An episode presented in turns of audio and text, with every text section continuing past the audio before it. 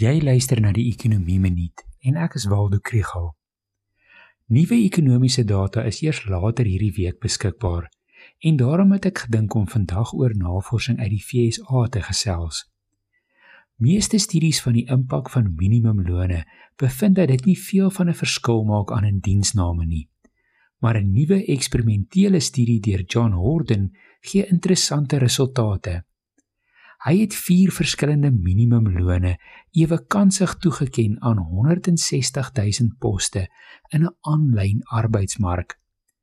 Die minimumloon kon 0 dollar, 2 dollar, 3 dollar of 4 dollar per uur wees.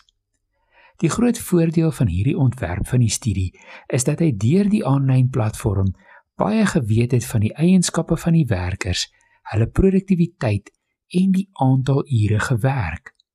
Meeste ander studies meet dit nie so akkuraat nie. En die ewekansige toekenning van die minimumloon beteken dat alle suiwigheid uitgeskakel word. Daar is nie 'n tipe werker of 'n tipe firma wat sistematies benadeel is deur die minimumloon nie. Hy kry vier belangrike resultate. Eerste neem lone toe as gevolg van die minimumloon. Teen 'n hoë minimumloon is die waarskynlikheid dat 'n werker in diens geneem word kleiner. Die aantal ure gewerk neem af selfs met net 'n lae minimumloon. Daardie aantal ure gewerk neem af omdat lae produktiwiteit werkers vervang word met hoë produktiwiteit werkers wat meer werk in minder ure kan doen.